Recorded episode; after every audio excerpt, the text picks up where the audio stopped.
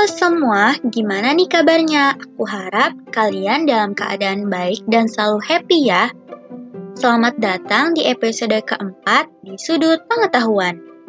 Di episode kali ini, aku akan membahas mengenai aspek-aspek dalam administrasi bagian kedua, yang di dalamnya terdapat pembahasan mengenai komunikasi dan koordinasi, efektivitas dan efisiensi, dan ada kinerja dan produktivitas. Pembahasan pertama yaitu komunikasi dan koordinasi.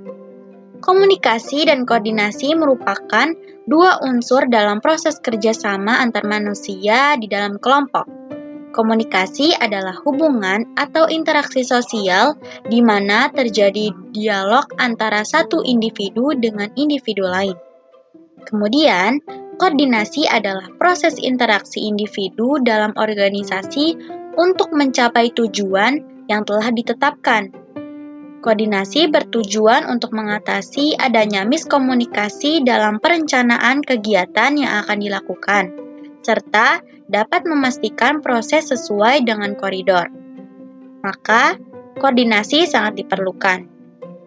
Adanya kedua unsur tersebut dalam organisasi bertujuan untuk mencapai efektivitas dan efisiensi. Efektivitas adalah keberhasilan dalam mencapai tujuan yang direncanakan, sedangkan efisiensi adalah ketepatan penggunaan sumber daya dalam suatu proses mewujudkan tujuan.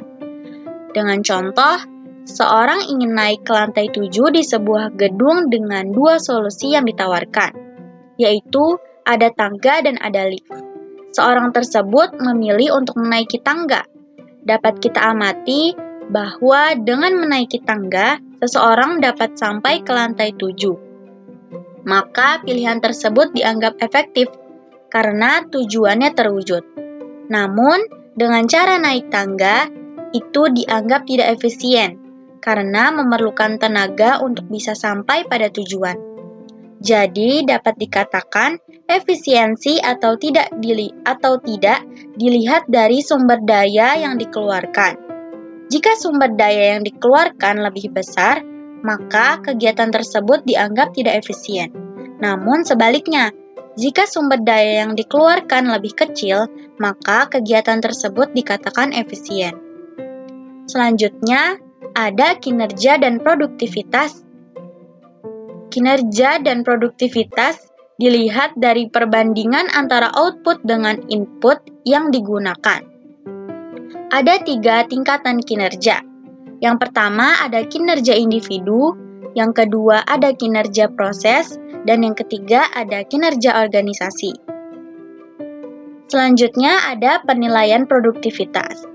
Penilaian produktivitas dapat dilihat dari segi kuantitatif dan segi kualitatif. Kuantitatif sendiri dapat kita lihat dari produktivitas total output total atau total dan produktivitas parsial, otot parsial atau input parsial. Sedangkan kualitatif dapat kita lihat dari kebiasaan kerja karyawan.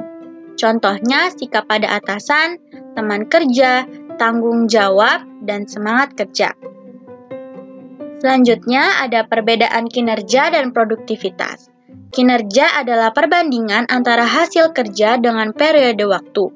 Dapat dikatakan bahwa kinerja lebih kepada efektivitas penggunaan waktu.